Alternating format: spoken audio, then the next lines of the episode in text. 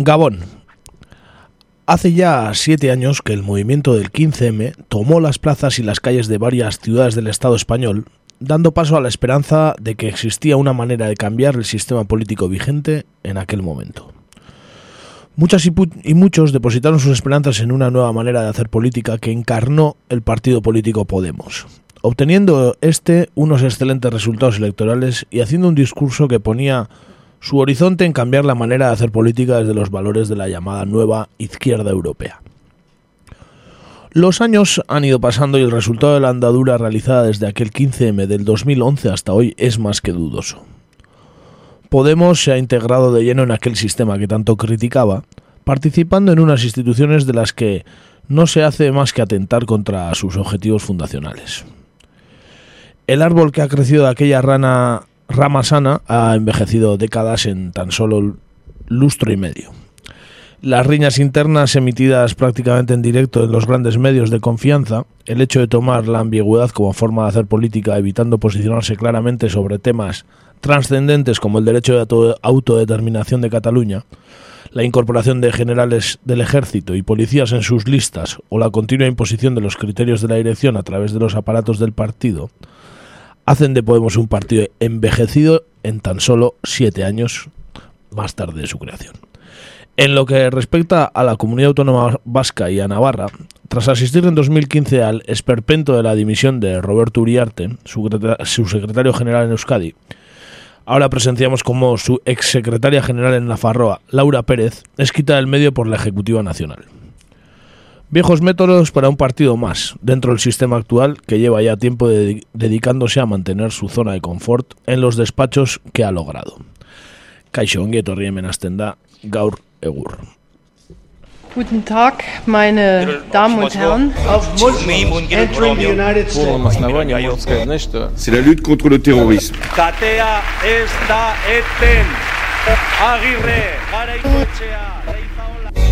Gaur egur. Gaur egur. Gaur egur. jolasten eta enredando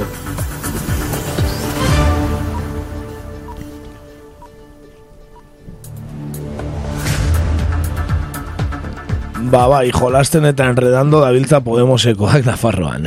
Egia esateko.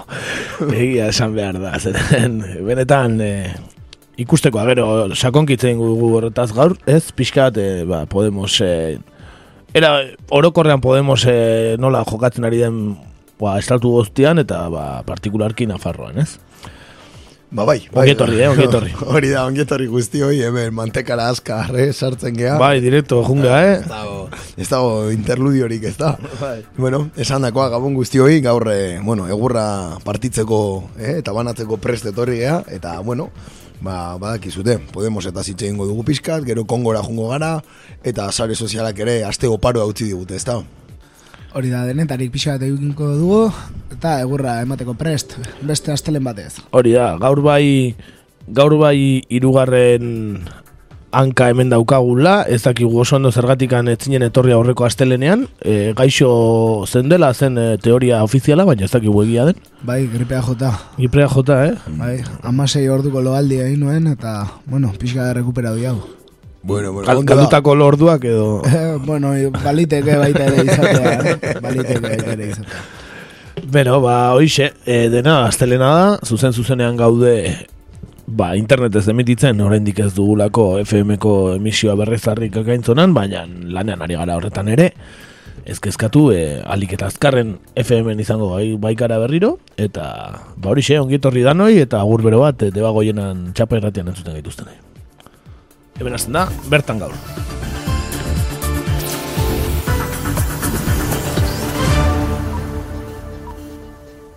Bertan gaur.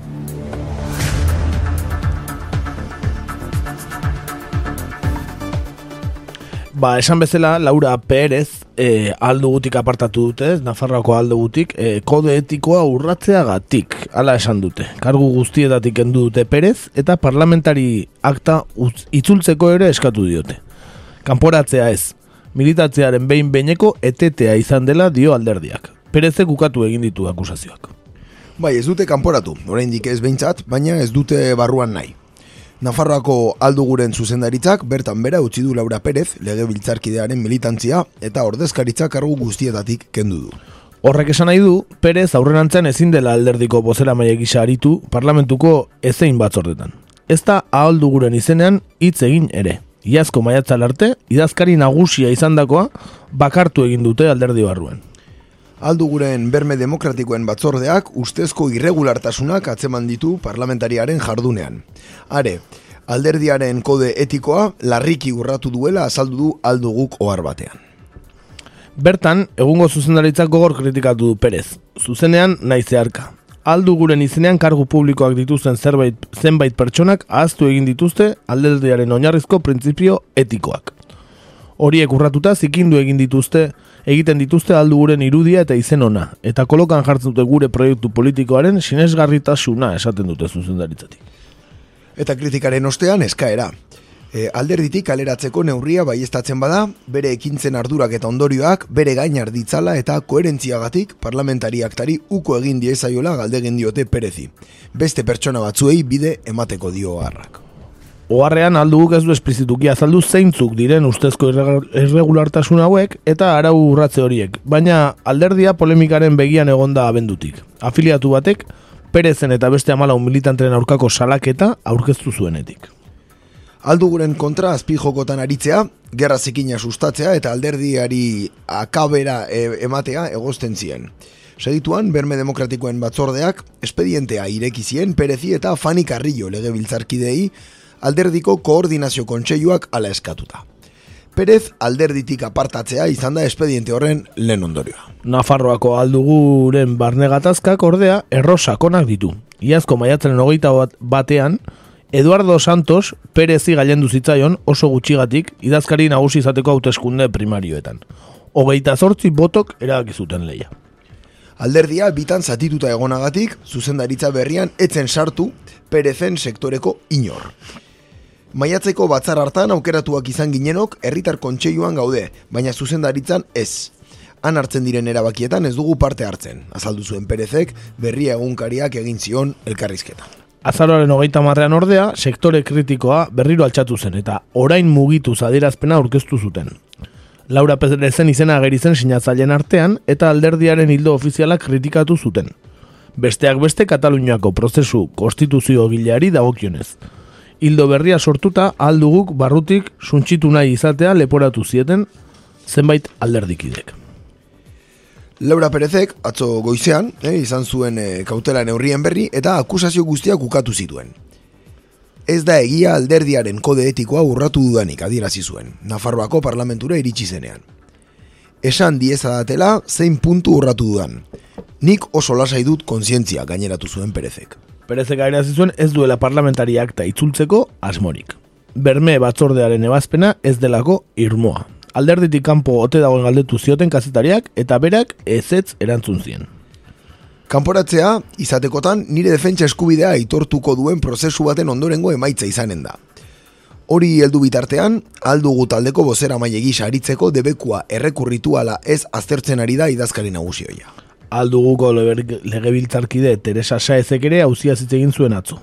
Perezen kargu gabetzea ofizialki komunikatu gabeko erabaki bat dela esan zuen eta alderdiaren jokabidea salatu. Gisa honetako disiplina neurriak hartzekotan informazio prozesu garden baten bukaeran hartu behar dira, eta ez horrela. Edo nola ere, ez dut pentsatu nahi, Laura Perez, hildo bateko ala bestekoa izateak eragina izan duenik.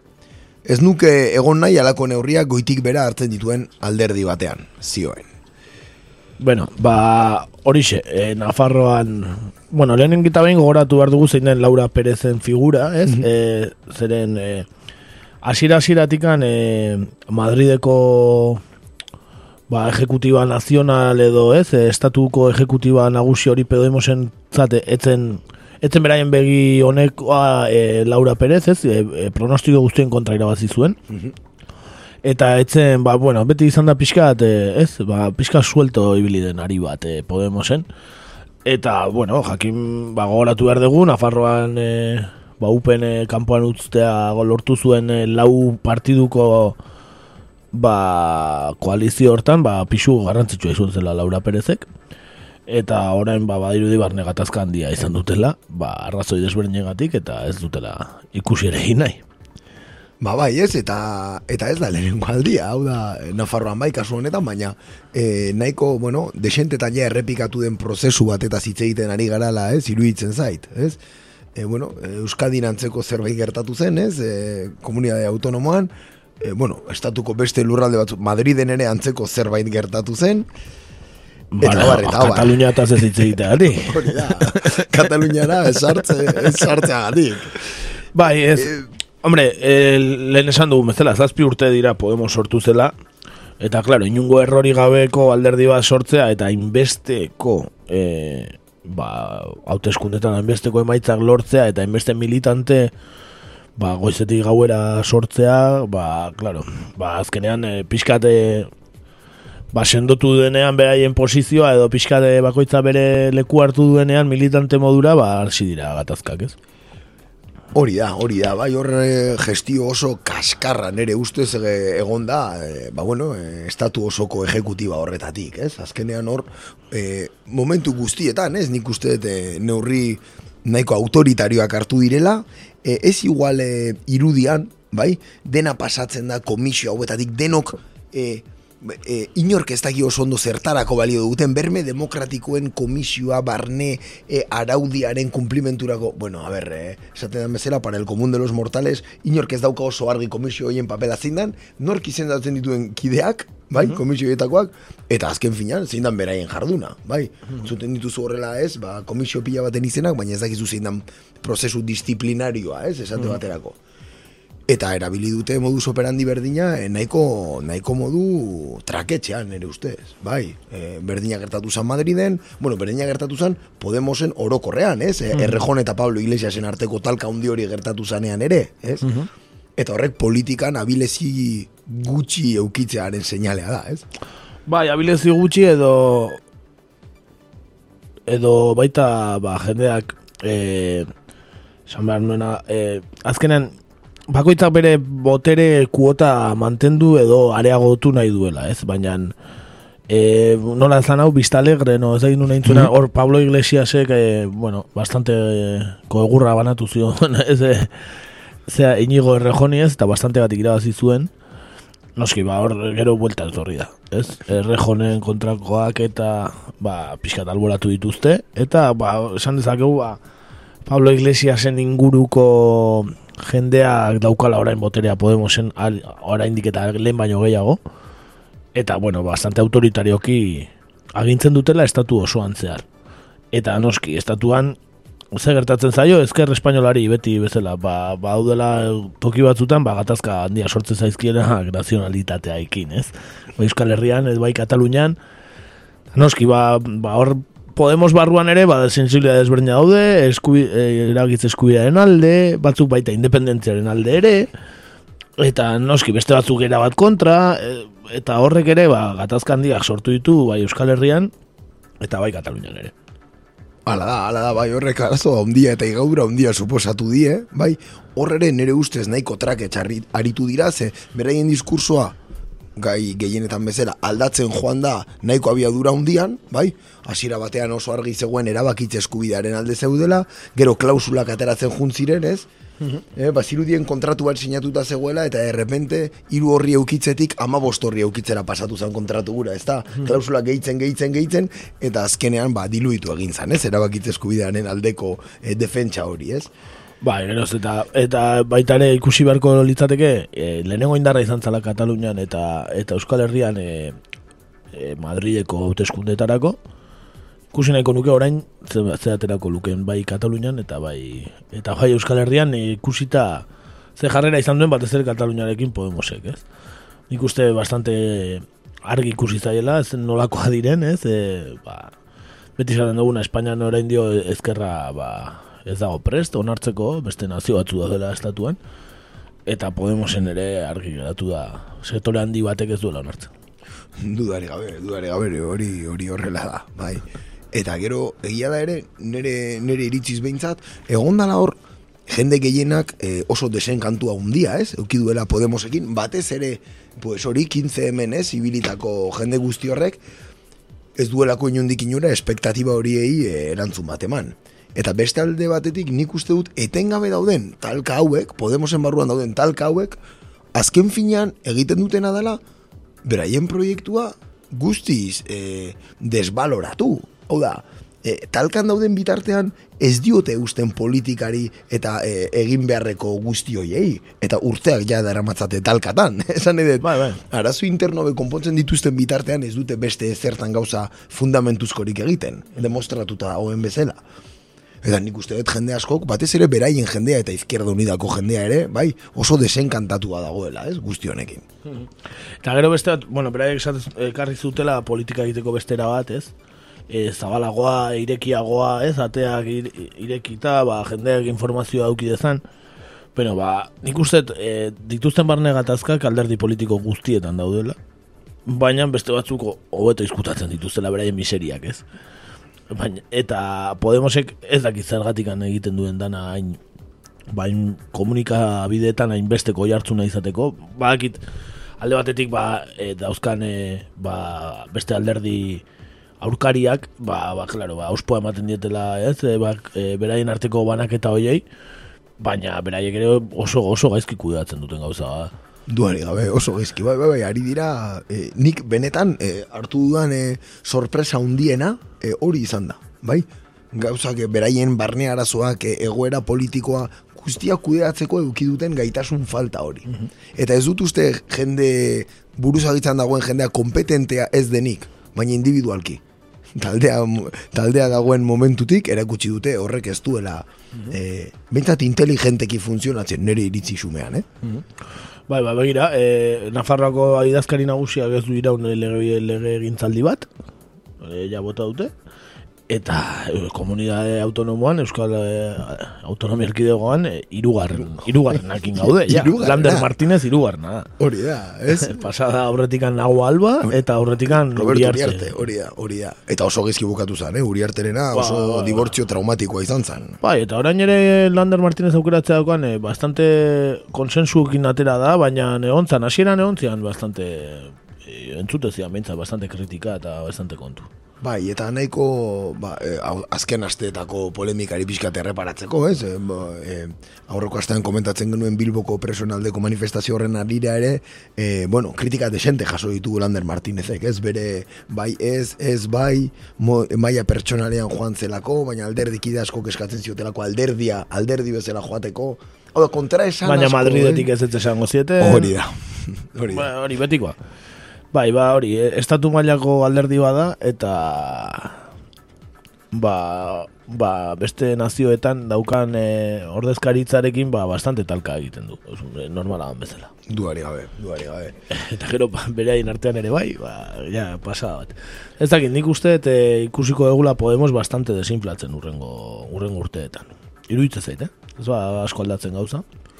Bai, bai, bai, bai, e, ora, orokorren hitz egin da, e, bueno, desente puztuago ikusten dut ciudadanos, hemendik bi urtetara Podemos baino, desde luego. Hala ematen du, hala ematen du, hala ematen du. Eta ez dakit eh, nola joango den hautesle hori. Berriro pesoera bueltatuko da. Eh, es que, claro. Estomago asko behar da, eh? ez da, ez da baten erresa. Ez da, ez da gore erresa, ez dakit, ez dakit. eh, Nik Podemos ez diot etorkizun ona ikusten, baina ez dakit eh, nola joango dira hautesle horiek. Eh, Ez da, ez dut ulertzen.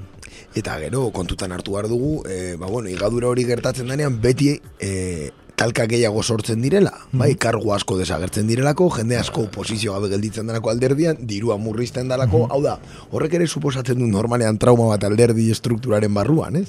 Bai, gero estizioak etortzen dira, Hori eh, da, eta bar, eta hori bar. da, Bueno, hori da. Ikusi beharko dugu nola duan asunto hori. Igual Llamazares eta Garzonen eh, alderdi berrira joango dira, jakizu. Jakizu, jakizu. Badakit oso rekurritua dela, baina jada ez nau ezer, ezer karritzen. Ez, ez, ja, gehiagizko izango zen. Berriro Garzon eta Llamazares ikustea hor, eh, alderdi berri baten eh, kongresuan, ja, gehiagizko izango zen. Gaspar eta Baltasar daude, eh? Meltxorren bat bilatu beharko dugu. Osea, Melchor, koa- el mundokoa, Eh, no? oitxe, Melchor, Melchor Miralles. Miralles, Eso horrekin, horrekin danak. Eh? Vale, ba, honekin bukatzen dugu pixkat eh, aldu gutaz, eh? eh? ba, beraien gatazka guztietaz Nafarroan, eta Nafarroarekin jarraituko dugu orantxe arte.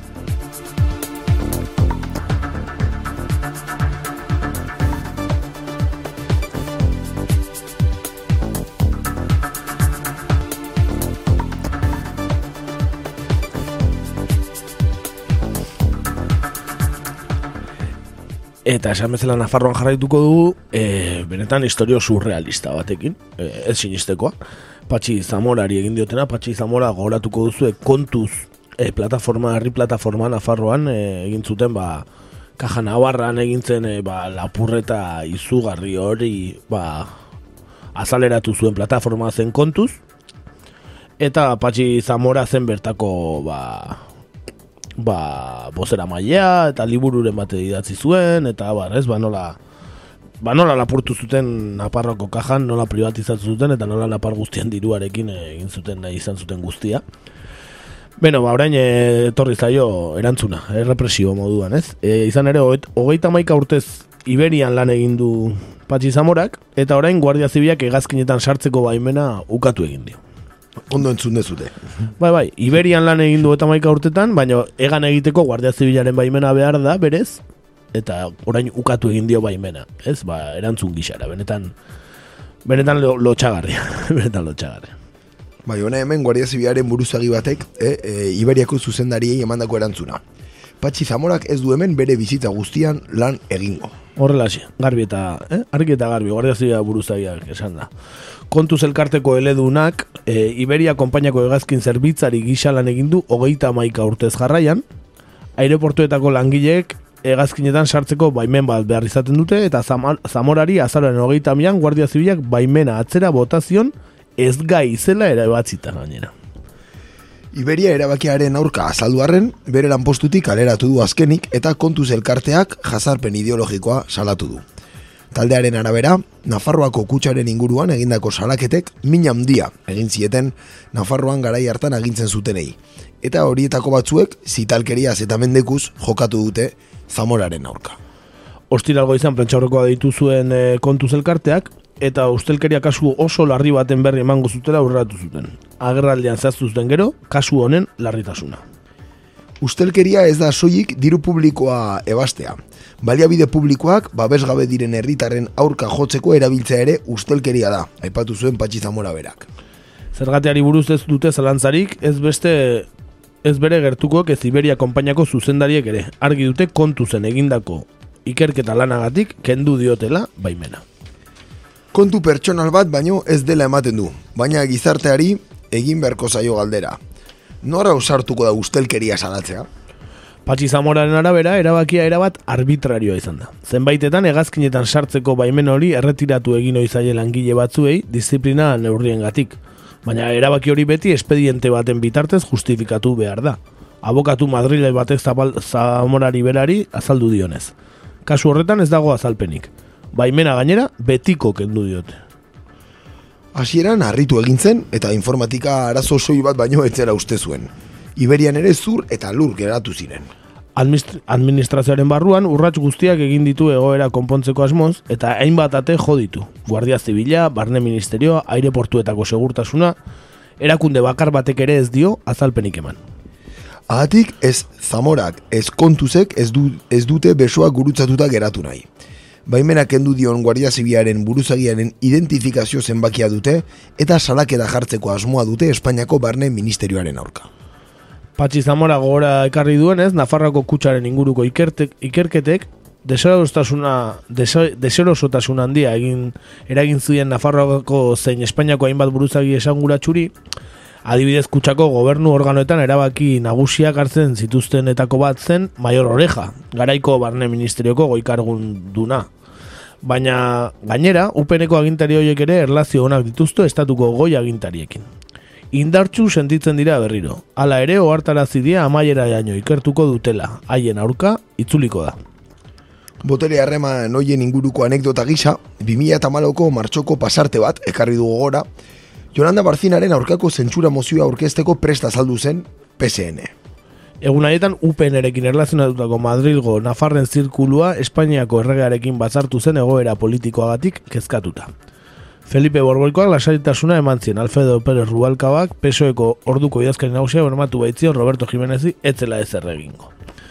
Beno, ba, benetan, eh, eskandala barria. Ba, bai, hau da, bueno, kasu, eh, mafiaren, mafiaren, ez, eh, modus operandia, ez? Ba, bai, era bat, era bat, era bat, eh, modus operandia, baina, eh, bueno, bueno. erritar xume batek, Iberiar lan, Iberiako langile batek, e, ba, plataforma batean e, parte hartze zuen, nun ikertu zuten ba, zenbaterainoko lapurreta egontzen Nafarroko kutxan, eta orain bere lanetik bota dute, ez du bota enpresak, baina lan egiteko behar duen Guardia Zibilaren baimena ukatu diote, arbitrarioki, inorri ez erresan gabe, eta inungo arrazoi, arrazoi gabe, ezta? Benetan lotxagarria.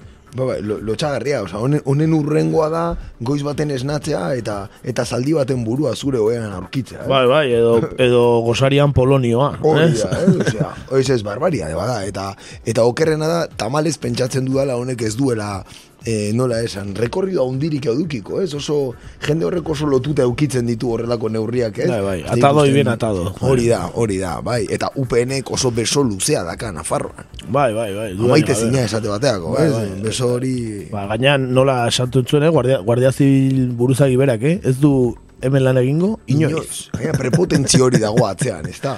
Bai, bai. dago prepotentzi bat atzean, ez? Porque lo digo yo, ez da? Hemen nik agintzen dut, hemen nik agintzen dut. Da, benetan, jo, pasaba bat oraindik, eh? Nola, ba, Naparroako agintari kazikeak eh, Guardia Zibila eta, bueno, hemendik ez da ageria paizik, baino ia hori bakarri faltago litzateke, ja tridentea bete, eh, osatzeko. Bai, tiempo al tiempo. Esaten- trikornioaren hiru puntak, ez da? Eh, falta da, eh? Hor, buruzagi karlista, Hori, bera, ez da? Guardia. Zibila eta oizpoa. Ja, horrekin, bet, kompleto. Bai, bai, desde luego ikaragarria. Bueno, jarraipen emango diogu, ez da? Ber, nola, nola juten dan kontua. Bai, baino, bueno, ba, ematen du Patxi Zamorak langabezian bukatuko duela. Ba, eh, itxu- irudipen guztia. Bai, itxura txarraka beraren zat. Benetan lotxagarria, bene benetan lotxagarria. Eh, horrelakoak, ja, toki gutxitan gertatzen dira eta nola ez Nafarroan gertatzen dira. Nafarroa, na, Navarriz diferent. Bai, bai, na, naburro. bueno, agur bero ba, Nafar guzti.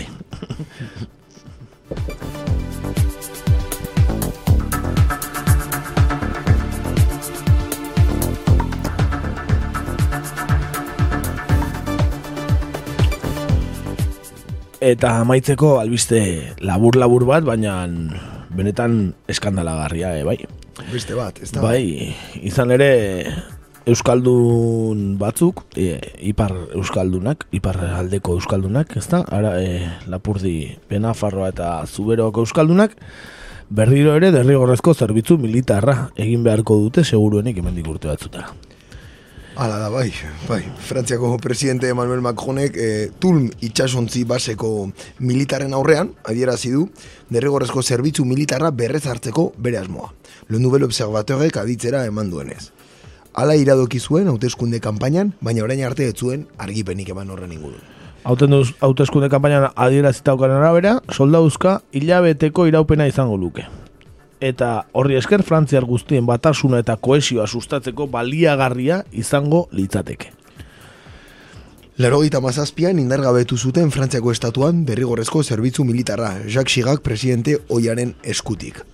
Bueno, Macron... Ondo hasi da Macron, eh? Bere burua superatzen, eh? Bai. Bata beste atzetik. Presoak urbildu, gero, gero, berriro derrigorrezko zerbitzu militarra ezarri, hortxe, taka, venga. Akaso urrengo pausua presoi zerbitzu militarra egita behartzea ote dan, igual, eh? Bai, seguruna, Pentsa seguruna. barko nuke. Baina gainera eh, arrazoia da ikaragarria, benetan ikaragarria arrazoia da. Frantziar guztien batasuna eta koesioa sustatzeko, eh? Hor, hortarako behar da, hilabeteko, ba, hori, eh, zerbitzu militar bat, eh, armak nola erabiltzen diren, eta un dos, un dos, eta hori dana. Bai, de hecho, eh, bueno, koesioa eta ez, eh, Frantziar guztien arteko koesio horren izenean, eh, neurri gehienak hartzen dira, ez, hizkuntzarekin berdina gertatzen da. Bai, bai. Frantsesa da hizkuntza ofizial bakarra Frantziar estatu guztian, Frantziar guztien arteko batasuna eta koesioa mantentzeko. Hombre. Eta horrela aurkitu ditzakezu arrazoi pilo bat. Bai, bai. Mm, Bueno, en fin, eh, bueno, eh, beloa ere debekatu zutenean eskoletan, Frantziar guztien batasuna eta koesioa, osea, dena da eh, apostilla bat bezala atzean jartzen dana, ez da, erabaki polemiko bat hartzen danean, ez? Dana, ba, hori, bai. Eh, estatu, Espainiar estatuan eh, por la democracia Lo mismo, y la constitución, bezala. Igual, igual. Hoixe bera, bai, bakoitza bere resorta. Bueno, ba, benetan eh, ikusiko dugu, jarraituko dugu hau, baina, bueno, gogorarazi beharko dugu Euskal Herrian borruka asko dintzela, intsumisoaren alde, Baita ere, baita ere iparraldean. baita ere Eh, iparraldean. askotan, bai. Eta, eta, ba, badirudiela, ba, ba berriro datorrela, eta bakizue, iparraldean baldin badatorre, aldean ere, etorriko denaren, e, ba, ba, kezka izan dezakegu. Dudari gabe. Eta, ba, hori ba, besterik ez momentuz, baino, ba, gu bintzat insumiso deklaratzen garela gaur egurretik. Ja, ja esaten dugu horrela gero ja ez dugu berriro esan beharko. Ez hilabete eta ez azte betekoa ere. Gu ez ga jugo. Ez ez. Ez da, ez da con la cabra ere. Eh? con la cabra. Eta ba, hemen honekin bukatzen dugu bertan gaur, eta horrexegatik ekarri dugu ba, aspaldiko abesti bat, e, soziedad alkoholikarena, pauso bat, ezta? Euskal Herriaren desmilitarizazioaren alde, eta eta horixe, ba, abesti kaineroa, da, orain dela urte batzutakoa, eta aspaldi entzun gabe geneukana. Dudari gabe, ondo sartzen da beti. Pauso bat, soziedad alkoholika.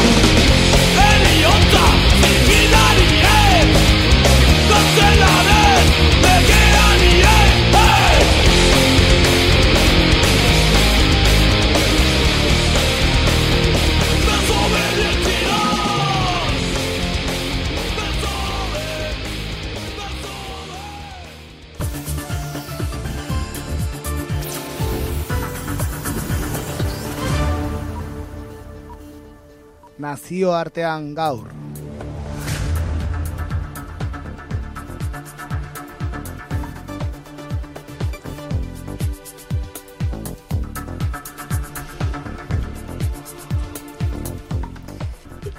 Bueno, pues pasamos a la sección internacional.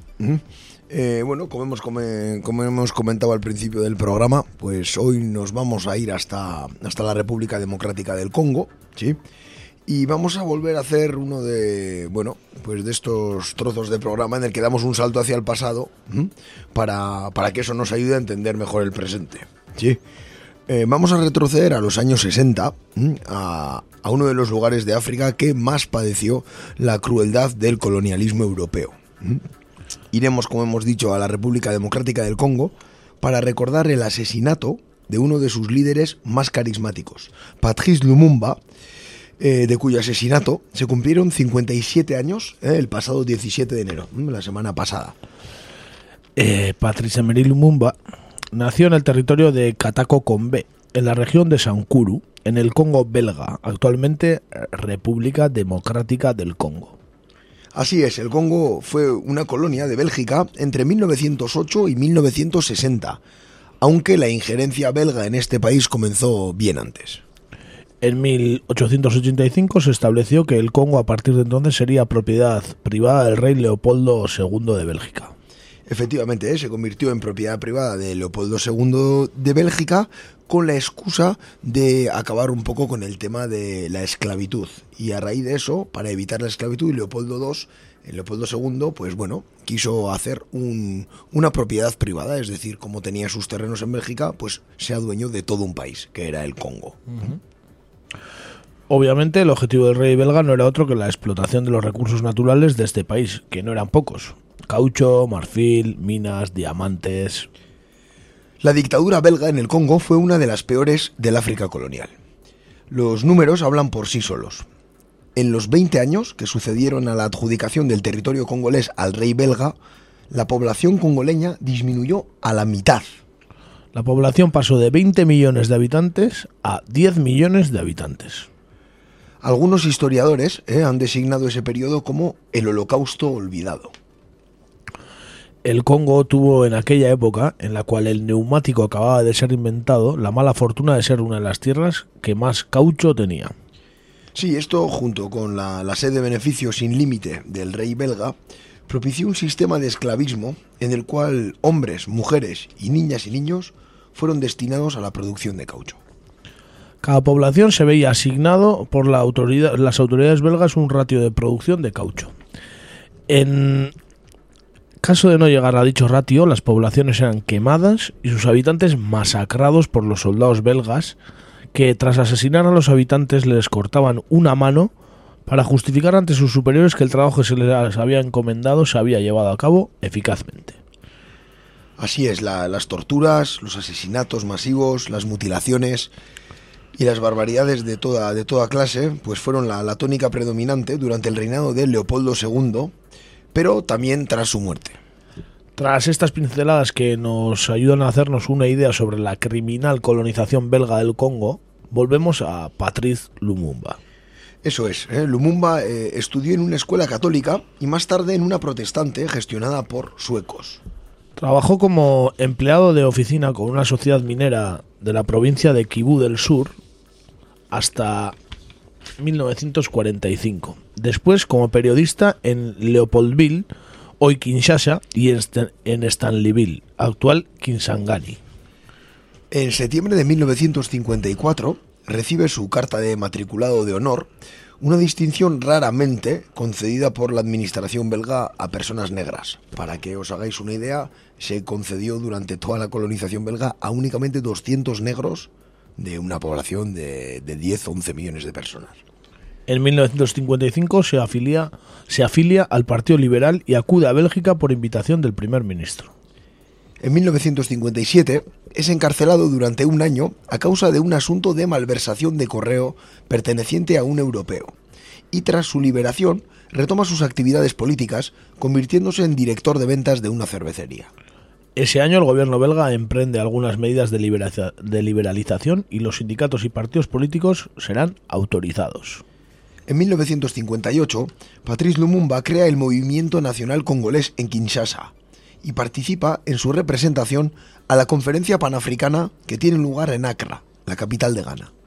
A su vuelta logra organizar una reunión para dar cuenta de la conferencia durante la cual reivindica la independencia del Congo ante más de 10.000 personas.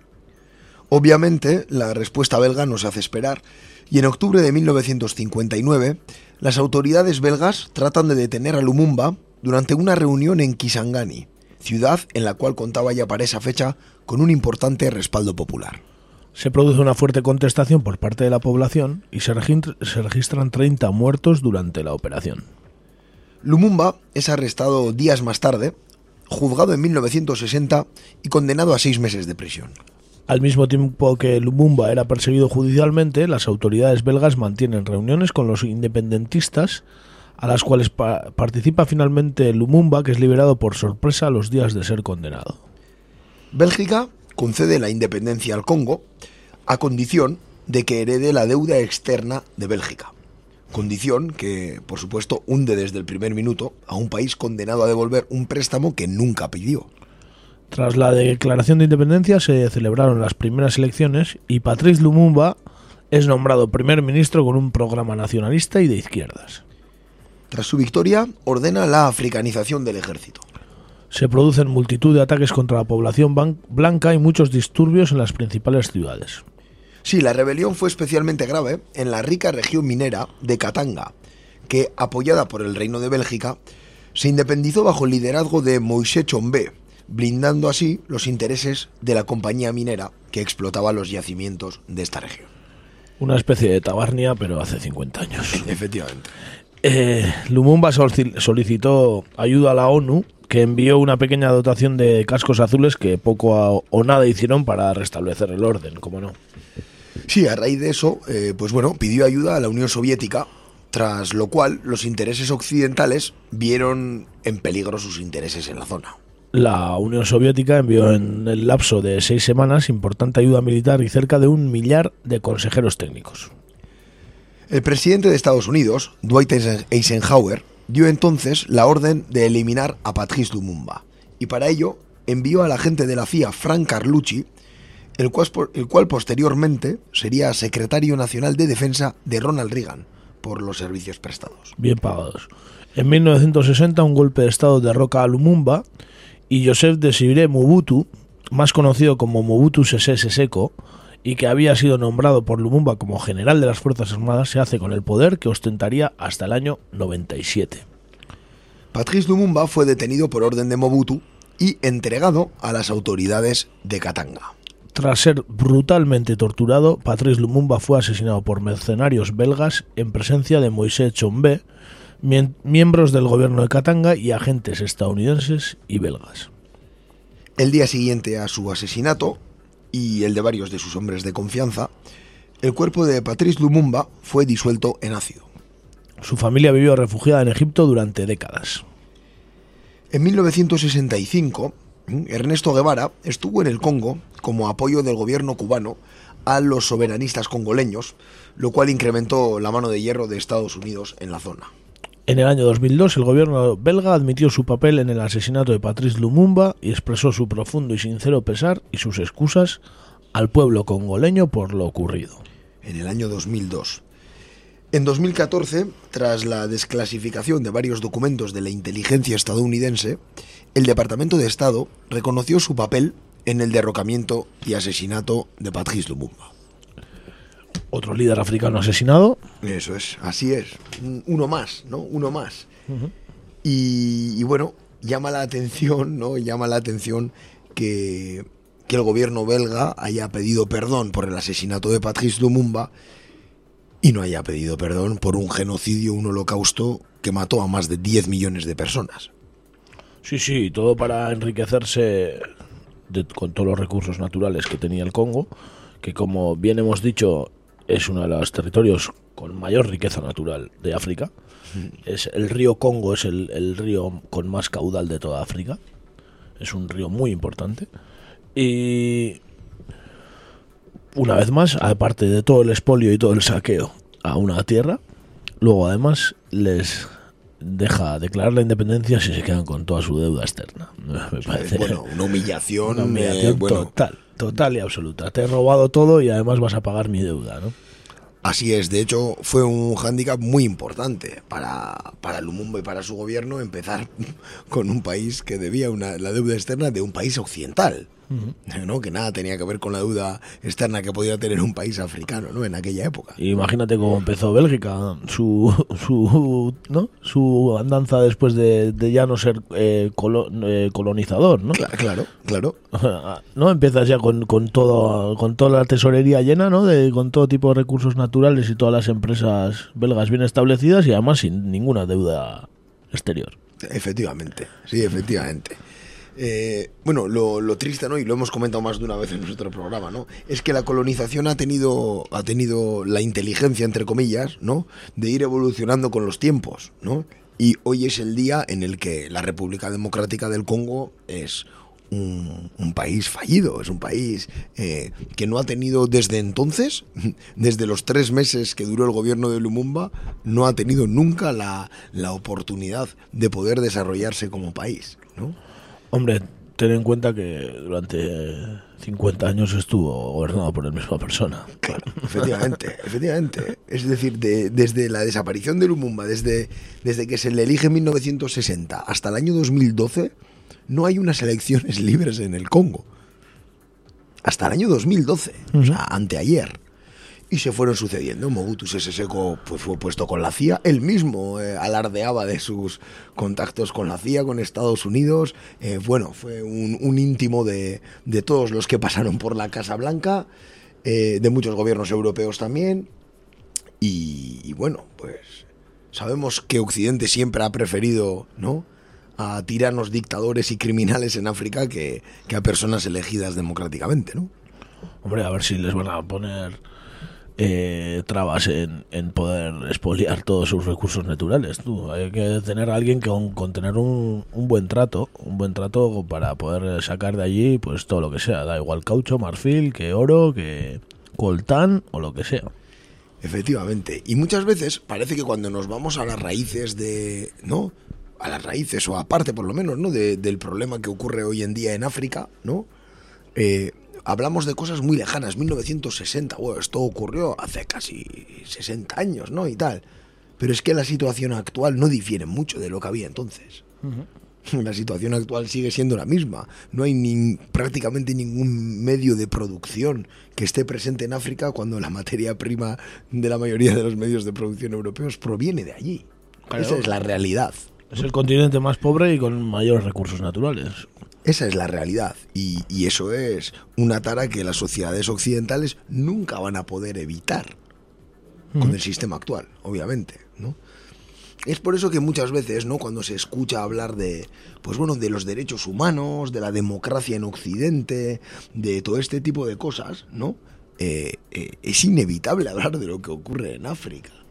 A, raíz y a causa del sistema que, que- existe en Occidente, que es el culpable de lo que pasa allí. Las cosas son así. Sin duda, pero luego además no se les puede dejar pasar. Hay que ponerles una valla todavía más grande para que no puedan venir la- los de allí a tener un, un mejor futuro cuando allí no van a poder tener un buen futuro porque ha habido siglos de, de colonización, siglos de expolio, de la que ahora nosotros tenemos una industria potente, eh, tenemos unos derechos como personas, eh, tenemos una división de poder, tenemos leyes, tenemos, podemos votar a partidos, tenemos sindicatos, somos muy avanzados, ¿eh? y todo es porque hemos sido más listos que ellos, no, mentira, que porque hemos sido los mayores asesinos. Es así, es así. De hecho, en África también existen los partidos políticos, los sindicatos, los movimientos obreros, pero sobre todo existe una represión despiadada contra todo lo que no sea eh, lo establecido por Occidente. Y cuando digo represión despiadada son asesinatos masivos de personas eh, como han ocurrido en un montón de países de África. eh, no, no tan recientemente, vamos. O sea, Sí, ha sido un, un territorio que además no hay más que ver cómo, cómo están hechas las fronteras en África, ¿no? Con Escuadra y Cartabón. así es. Europa se repartió el pastel con Escuadra y Cartabón, nos da igual todo, metemos a todos en el mismo país, etnias diferentes, eh, y con idiomas diferentes, culturas diferentes, Un y luego que se independicen y que se busquen la vida. Y luego, pues en algunos casos ha habido hasta genocidios internos entre diferentes etnias, como puede ser en Ruanda. Efectivamente, efectivamente. Por cierto, genocidio que fue apoyado por Mobutu Sese Seko. No, y por, por el gobierno, y por el gobierno belga. Sí, sí, públicamente, ¿eh? O sea, ya de manera ¿no? notoria, ¿no? Esa es la, realidad de África. Y volviendo realmente a algo que, que es, es increíble, ¿no? La poca repercusión, el poco trato que se le ha dado a ello, a los 10 millones de asesinados en 20 años, ¿no? Por el rey de Bélgica, con un culpable claro. Eh, bueno, hay un montón de documentación en internet. Desgraciadamente, la mayoría de esa documentación está en francés. Está en francés. Hay un documental incluso que se, que se produjo hace tres años, que es muy interesante. Habla sobre ese plazo de tiempo y enseña las atrocidades que hicieron los belgas en el Congo. Una lástima que no está subtitulado. Si no lo hubiéramos podido poner en nuestra en nuestro blog, pero pero en este caso es un poco complicado porque no no no no, no se entiende, vamos. Y hay mucha documentación en internet, hay muchas fotos porque los belgas eran muy de sacar fotos de, de las atrocidades que hacían, sobre todo de las mutilaciones. Un montón de gente no tenía manos en el en el Congo belga. Eran el pan el pan de cada día las mutilaciones. Y luego hay otro episodio que es muy llamativo. eh, es cuando la delegación que, que Patrice Lumumba preside va a, Bélgica, eh, eh, pues con, creo que con el motivo de una exposición universal que tuvo lugar en Bruselas. Y una parte de esa exposición universal era una especie de zoológico humano donde había personas eh, que se habían traído del Congo para ese zoológico humano y las personas iban a, a ver a, a esas personas como, como trofeos o como, bueno, dando una imagen denigrante del país. Y a la vuelta de ese viaje es cuando realmente el Lumumba y la gente que le rodea dice, bueno, esto nosotros nos tenemos que independizar, esto, esto, esto no puede seguir así. ¿Cómo va a poder seguir así? Es, es una esclavitud total. Pues sí, pues eh, nada más y nada menos que los belgas, ¿eh? Eh, La cuna de la Unión Europea, ¿eh? Bruselas y... Tiene mucho donde mirarlo. vamos. Sí, pues mira, están para dar lecciones de, de derechos humanos, ¿eh? En el corte de la Haya no les van a, no les van a juzgar, ¿no? Desde luego, desde luego, es realmente lamentable. Y luego, pues bueno, una vez más la implicación de Estados Unidos y de la CIA en, en todo lo que se mueve, ¿no? Como no puede ser de otra así. Todo lo que se mueve, sí, sí, sin ninguna duda. Todo lo que pillan, pues El imperio mundial. efectivamente. La primera democracia. La primera democracia del mundo, del mundo libre. Del mundo Además, libre, claro, Eh, sí, sí. Bueno, en fin, pues bueno, esto ha sido un poco, ¿no? Eh, pues, bueno, Pues sí, una vez más, hablar de África, que, que nunca está de más porque es el continente olvidado y hay que hay que informarse un poco de, de por qué está África como está, que no es casualidad divina. No. hay unos culpables y los culpables son fácilmente identificables. Lo peor es que son fácilmente identificables. Ya, Y lo más fácil todavía es que están cerca de nosotros. Sin duda alguna, sin duda alguna, y siguen estando, ¿eh? y siguen estando bien en África y bien cerca de nosotros. Pues sí. Y luego nos quejamos de, de los que vienen a, eh, a quitarnos el trabajo, sobre todo. ¿no? Madre mía, madre mía, qué desfachatez. Pues sí. Bueno, como sabéis siempre, ¿no? Pues ponemos una canción, ¿no? Al final de, de nuestra sección internacional también. Y, y hoy hemos traído una canción que, que se llama Brazzaville. Como sabéis, eh, hay dos Congos, ¿vale? Dos estados diferentes. Está la República Democrática del Congo y Congo-Brazzaville, ¿vale? Que son dos estados distintos a- a- en este momento. Y es una canción del último disco de Fermín Muguruza. Que se llama Fermín Muguruza eta The Suicide of Western Culture, el suicidio de la cultura occidental, ¿vale? Y es un disco que se llama BMAP 1917 más 100. Ese es el título, en referencia a la Revolución Rusa, me imagino. Y bueno, pues eh, cada canción de ese disco tiene el nombre de una ciudad. Y en este caso es una canción De una ciudad que empieza por B, por eso B-Map. eso es, efectivamente, ¿eh? todas las ciudades empiezan Lo por vi B. la otra vez en una entrevista. Sí, pues no Bo- he leído, no, no he oído el disco, pero Es música electrónica, es bastante curioso. Y, y bueno, en este caso, eh, en la canción Brazzaville podemos oír un extracto de, de un discurso que hizo Patrice Lumumba ante el rey de Bélgica, cuando se independizó del Congo, un discurso en el que le afeó todo lo que habían hecho durante toda su miserable historia en el, en el Congo. Una vez más, Fermín Muguruza entre nosotros. Sí, sí, es verdad, es un asiduo, ¿no? Es un asiduo Fermín Muguruza aquí, ¿eh? Tiene muchas canciones que- con letra internacionalista. Eso es, eso es. Es Yo por creo eso. que Eso es, ¿no? Eso es. Pues nada, ahí vamos. Pues, Brazzaville.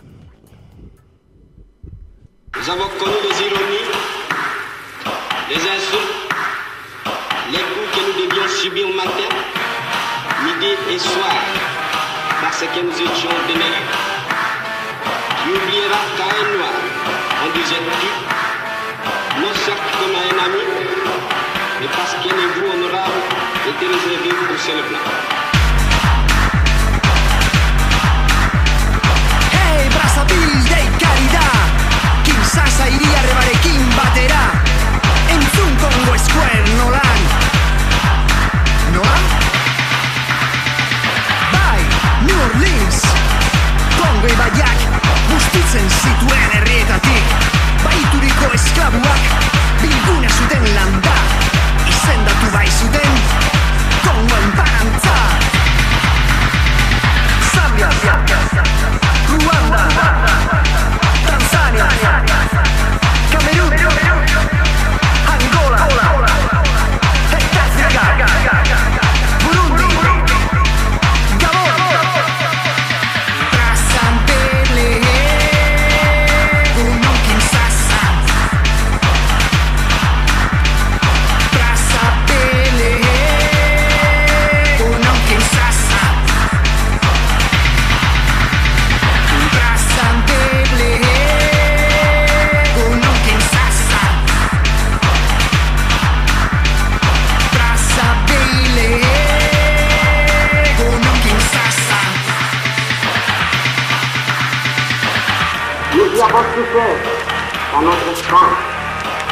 vous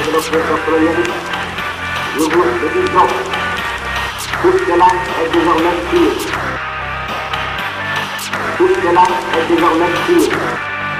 Kongo ibaia ez da inoiz izan arrezia Baizik eta bi bazterrak batzen duen zubia Azaldu me zer den potere koloniala Eskolatik agurtzean bata bestaldekoa Europako imperialismoak utzitako aztarnak Baina gu beti izan gara bat eta berdinak Hemendik arateta handiko nuntza Besti baiak irentzi egiten duen ibaiaz Hitz egiten lingala, kikongo edo luba Edo zein norabide harturik da etxerantza.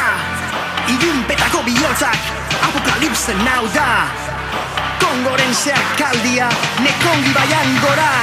Lastura, lastura, inpernu jetxiera Afrika kondenatuz bere suizidiora Oh, Patriz Lumumba, bidea darrai baiak Ez da lauzila idoa, indarrezko ebaztea Brazzaville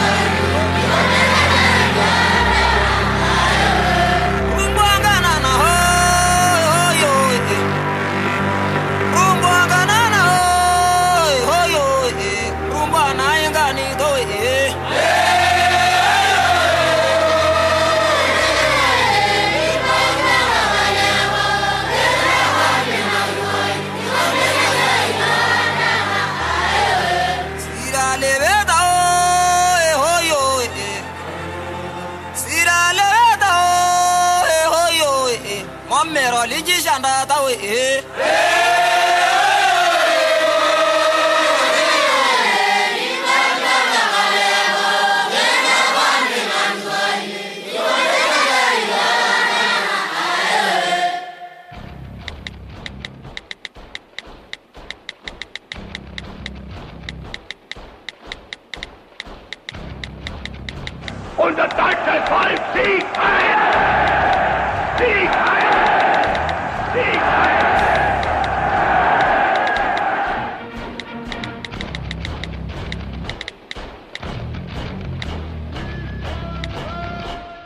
Badatoz SSA.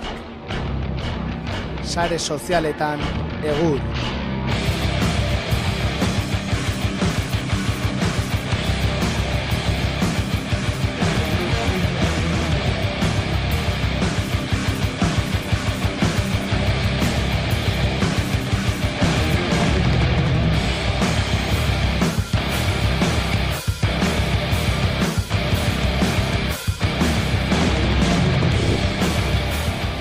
Bueno, ba, irratsaioaren azken txampara salto ingo dugu, eta ba, sare sozialek eman dutenaz e, berbe ingo dugu beste behin, eta ba, astea nahiko mamitsua izan da, eta ba, asteko ba, e, donosti aldera joango gara, tanborradarekin ekingo diogu. San Sebastianak. Bai, agian iritsi zaizu zuei onako bideo hau, e, zuen mugikor eta ordenagailuetara, ba, Facebook eta horrelako lekuetan begiratzen baduzu bat behinik behin eta ba danborra da jotzeko era berezi bada. Ea asmatzen duzuen ze instrumentu dauden bertan.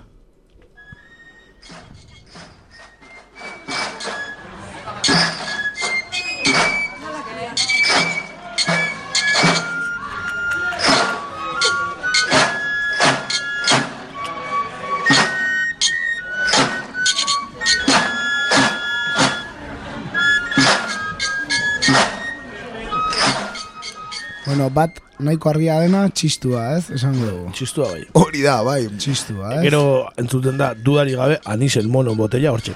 Bueno, Sigrans Ginebra botella da. anis el mono. bai, balioko Rozando el poste. baita ere, bai.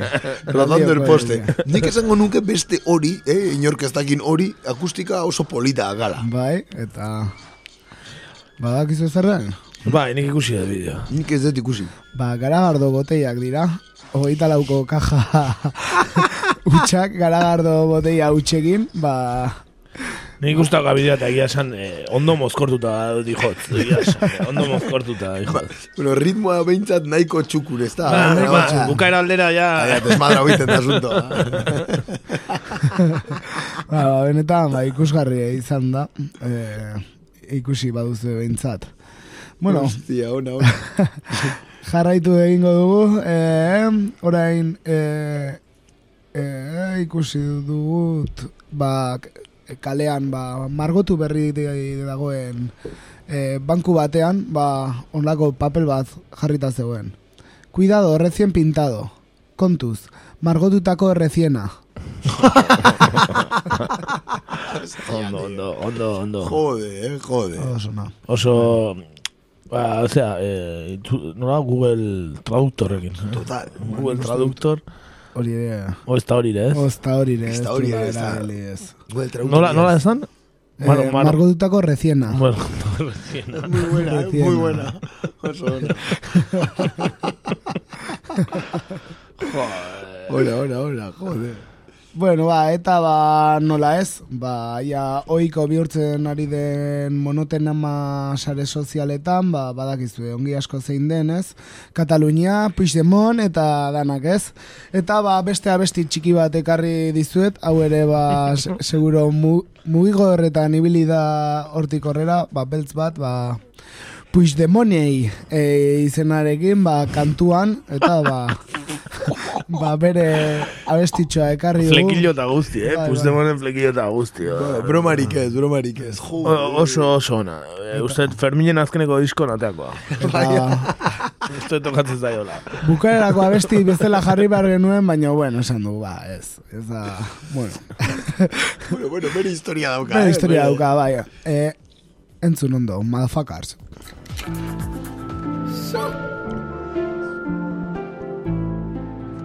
Daddy money, put some money.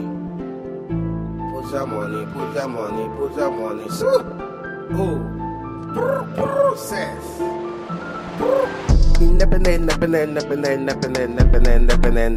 Oh. Me ha votado mucha gente.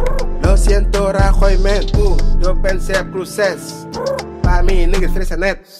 Independent, independent, independent. Independent, independent, independent. Yo quiero un nuevo país. Siento estás haciendo peace. Franco, rest in peace. Welcome refugees. España mata acá. Pues toma pantumaca, motherfucker. Quiero país new. En el PIB siempre Ecuador new. Independent, independent, independent, independent, independent, independent, independent. Ha votado mucha gente. Lo siento, Rajoy, men. Yo pensé process. Pa' mí, niggas nipping in, nipping in, nipping in, nipping in, nipping in, nipping in. Bruces. Independent, independent, independent, independent, independent. Tama pa ng paka. Welcome to Maga, motherfucker.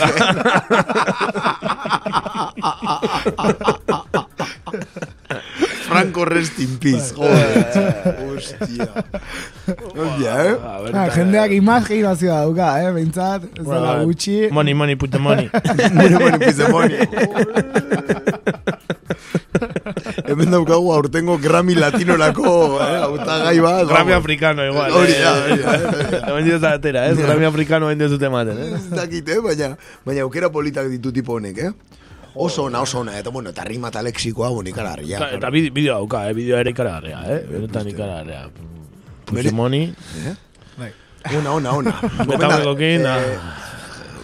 jarriko dugu blogean, jarriko dugu... Saioko gara, Bai, saioko. alegin duzu gara. Aspaldi ez dugu bloga, ez dugu, aspaldi ez dugu bloga berritu, Bai, bai, astontan egia. tokatzen da, astontan tokatzen da. Vale, bueno, parre pizka atiteko, eh? Beti desgrazikin etortzen. Mo, mo, mo, money. Money, put the money. Tema partu maka, motherfucker. Bueno, seguro famoso indala, eh, tipo, eh? Fijo, fijo. Eurovisión y la hostia, bai, bai. Bueno, okerrago ikusi Eurovisionen, ez da? Ah, bai, pues, Eh? bastante, bastante okerrago. o sea, desde la... ¿No la? La, Chiquilicuatre. el- el- Chiquilicuatre, egia da. Chiquilicuatre. El la la la de Masiel. Sí, señor. Ha llovido y ha nevado mucho desde entonces. Masiel también la ha llovido. Bueno, ba, batxioekin jarraituko dugu, eta esan bezala, ba, Kataluniari referentzia eginez, Kim Jong-unek onera idazten zuen gaur. Opa, Kim. ¿Qué ocurrencia lo de gobernar Cataluña desde Bruselas?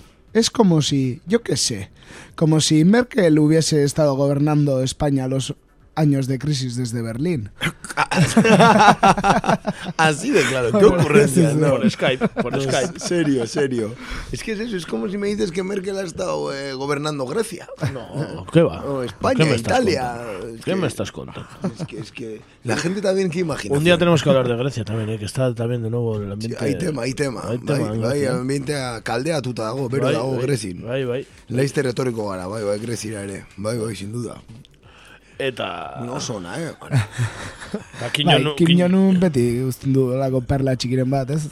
Baina Kim Jong-unek agintzen du Pyongyanetik, eh? Pyongyanetik, Pyongyanentzat. Hori da, hori da, hori da, eh, bertako produktua. Gero botoitxoa ematen badio, beste gauza. Líder en su país. Kim Jong-un es kilometro zero. kilometro zero. hori da, hori da. Bertan ekoizten du, bertan egiten du, eta... Eta venga. Dana bertan. Eta toma pantumaka. Bai, bai. Uranio empobrecido, eta dana. Da. Dana bertakoa. Bueno, jarraituz, Bender el que ofendek honela idazten zuen gaur ere. El barco de Piolín atraca en Copenhague. Se oyen gritos de a por ellos en las ciudades cercanas. Zoido asegura que se gastarían los millones que sean necesarios para apalear daneses. ¿Suena raro? Pues en Barcelona ya ocurrió. Efectivamente, es así de claro. Pero bueno, con el puerto de Copenhague no va a poder. No, No va a poder, mucho vikingo. Eh, mucho vikingo ahí. Mucho vikingo. Ahí no, esto, ahí no hay fenicio, eh, ahí no hay fenicio. No hay fenicio que valga ahí. Hor, zazta. No, baina da, suena raro, pues... Vale. Pues en Barcelona. Ba, no sé, pasada bat ez laro, eta zazpi milioi esan du kostauzala dana, eh? Zoidok. Nero geita zazpi milioi. Joder. Eta okerrena da jende gehiena ados dagoela. Claro, claro, hombre, behar, behar, beharrezkoa zan, eh? La- Había, había que zurrarles por poder unas, tampoco es. Hombre, beharrezkoa zan. No, ¿eh? ¿eh? ¿A quién le importa el barracón donde está estudiando su hijo, no? Quiero decir, ¿no? Eh, ¿eh? Bai, bai, bai. Lamentable, ah, lamentable. Claro, eta zazpi milioi, zenbat, hilabete bategatik, zenbat, zenbat demora. Zu, zire zazpi asteo, bai, bai, bai, osei asteo, bai, bai, bai, bai. Benetan beharrezkoa, eh? Hori gaztau barrazion. Eta gainera kejaka, zan, et, egon zienak ere geizki egon ziela. Eh, egurra emateaz gain, ondoren barku horretan egon zirela denak horren zerrauta, janaria taz kejatzen ziren. Gabonetako menua oso Ikusi txarra, nun, iku, eskasa. ikusi nun lengon, eh, lengon ez dakit noizan, atzo, atzo, ez dakit, eh, telebistan, eh, tertulia bat, eh, politiko bat, zeon, eh, Maroto jauna, gazteizko alkate hoia, eh, Maroto, alkate ezaguna, oso, oso maitatua. El del huevazo. Bai. Huevazo, Maroto? Ah, no, Maroto. No, Alfonso zan. Alfonso zan. Hori da, hori da. Bai. Ez, Maroto zan, RGI eta... bai, bai. El rey de la RG, vamos. Bai, ba, eh, esaten, eh, aber, aber nun zeuden, eh, urrian bateko zortzireun eritu hoiek. Aber nun zeuden. Hain eritu baldin bazian, aber nun daren eh, ospitaleko parte guztik, esaten zuen. Claro, pues, eskatze daka. Bai, eta eskauga bere, baino zer lotxa gutxi dauka hori esaten. Da polizi, zer? Zaizen bat eritu polizi eta eza, eskumuturreko tendinitiza porrazo joteatik, eh, euneko laro eta marrak, eta, eta oie bai, oie bai dia erituk. Karo bai, ez, karo bai, ez. Zer lotxa gutxi dauke maroto jaunak. Eta, eta gustatuko litzatak ikustea erreakzioa beste kontu batzuetako parte medikoak eskatuko balira. Bai, esan nahi dut, eh, beste gauza batzuta hemen ezin da ezer eskatu, baina... Bai, bai.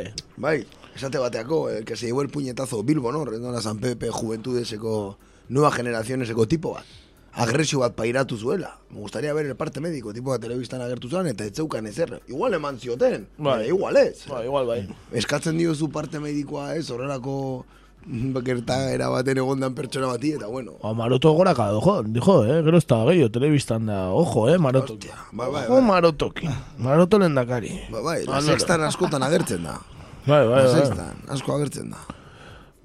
Eh, Bai, bai, tipo txarra. Ez da Bueno. Amaitzen joateko, eh, el, fumar, el fumadorrek ere horrela idazten zuen. No me vais a creer. Justo ahora estoy volando hacia Copenhague. Y hace un momento tenía a mi lado a Puigdemont. Digo que tenía, porque acaba de cambiar de avión en pleno vuelo. este es nuestro chipolino.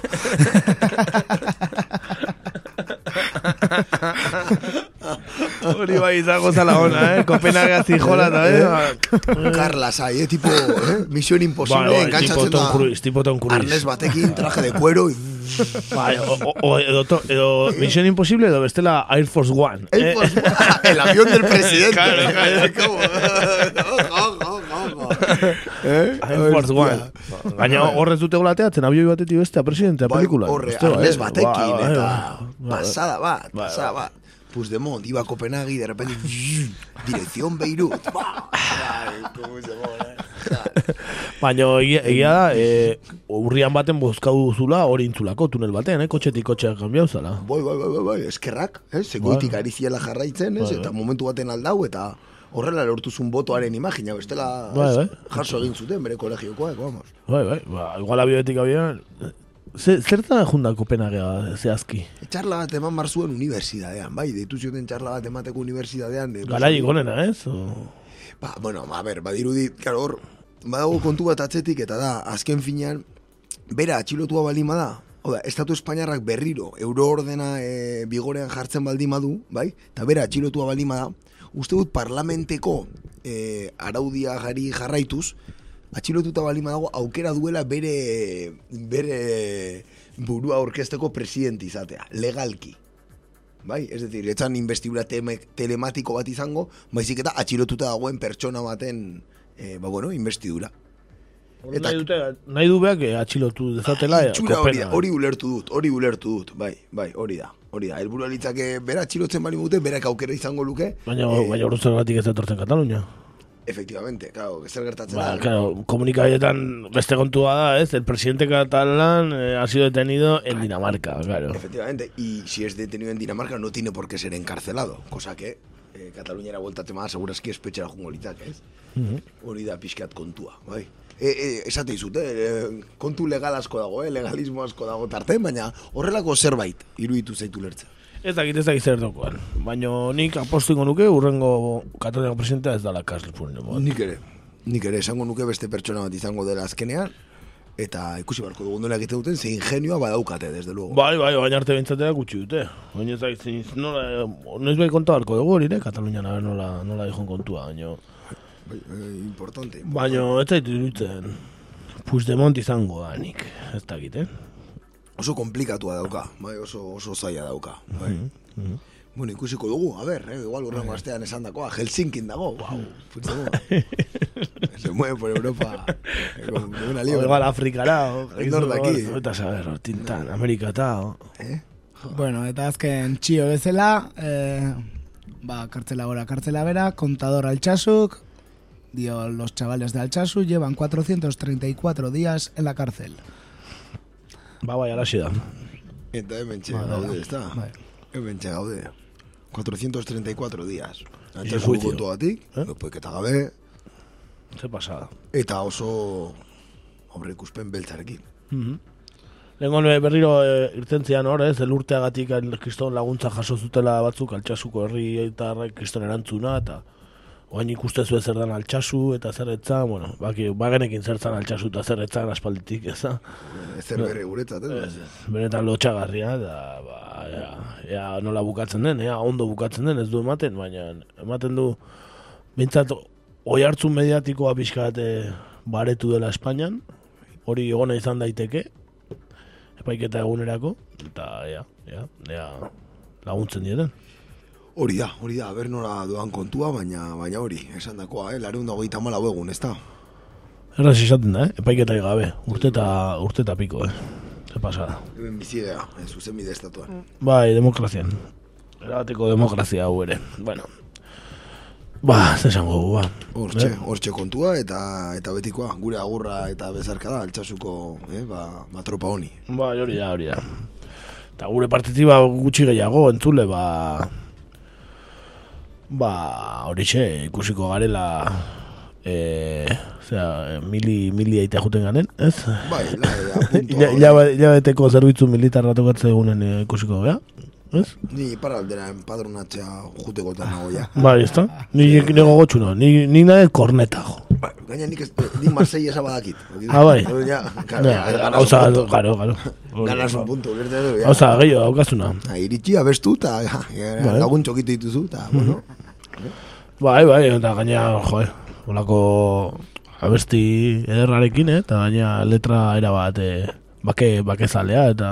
oso bakezalea. Bai, bai. Eh, ose, un txiki txikitatik erakusten dute, eh? horrez dakate inungo arazori. Ez, ez, Eskolatan hori- erakusteko. Horrez dago, ez, eh, nola, horario infantil, eta, ez... Bueno, ez dugu. Bueno, goizeko zortzitan iritsi, eta, a ber, zein dugu, al Marseille esa kantauko dugu, venga, ba. Bai, hemen hain dela marka batzuk aral sola. Hori da. Hola funtzionatu dute, Frantino Reini. Bueno, en fin. La Republik. Ba, oso ondo, ba, mila esker, behatzeak eta hogei dira, nahiko ondo ibili gara gaurkoan ere, e, aztelen ba, gehiago, esan genuen, saiatuko ginela, fin-fin egiten 2018ko kontu hau, ez da, ez ba, jaieguna eta, ba, pentsatzen dugu etorriko garela, arazo teknikorik ez baukagu, bintzat. Guzti hori ez da. eta, ba, horixe, ba, mila esker entzule horregoteagatik, eta horrengo astelenean ikusiko gara, azkena bestia falta zaigu. Hori da. Hori da, ba, gaur ertzainak taldearen salda badago abestia ekarri dut, ba, nahiko salda badaukagulako gizarte honetan, Bai, eta euria eta hotza kalean, ez? Euria eta hotza kalean ere, eta ba, erremediorik onena, ba, salda.